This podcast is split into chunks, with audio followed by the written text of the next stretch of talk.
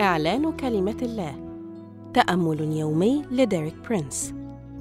28 يناير. الأحجار الملساء. هذا الأسبوع يشرح لنا ديريك برينس حقيقة أن دم يسوع ابن الله يطهرنا دائما من كل خطية. واليوم يوضح لنا دور الخضوع لكلمة الله والشركة مع المؤمنين في تحقيق النضوج الروحي.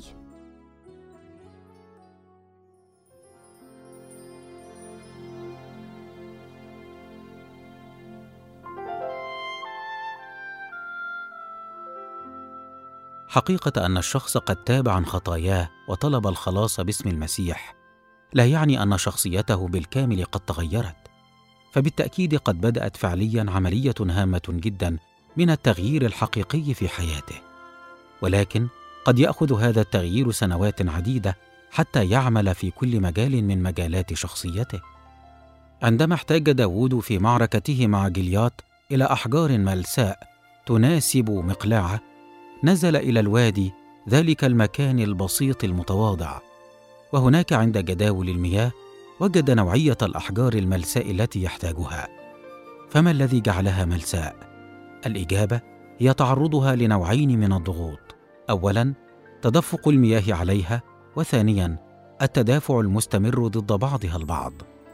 وتعد هذه الصورة تعبيرا عن تشكيل شخصية المؤمن.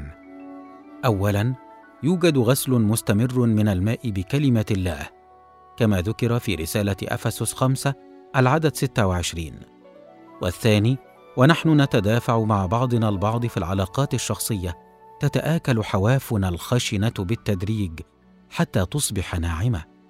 فنحن حجارة حية نحتاج للصقل المستمر كما ذكر في رسالة بطرس الأولى اثنين العدد خمسة.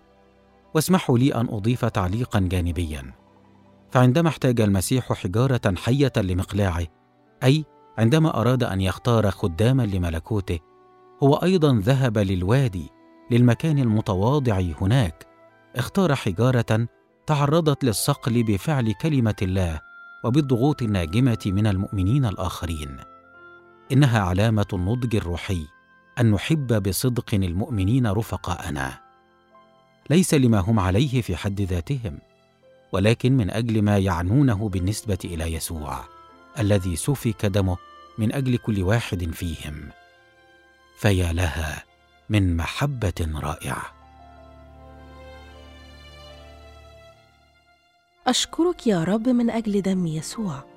أعلن خضوعي بتواضع لتطهير الماء بكلمة الله وألزم نفسي بمحبة صادقة نحو المؤمنين بإخلاص وأعلن أن دم يسوع المسيح ابن الله يطهرني باستمرار من كل خطية. آمين. للمزيد من الكتب والعظات لديريك برينس قم بزيارة موقعنا www.dpmarabic.com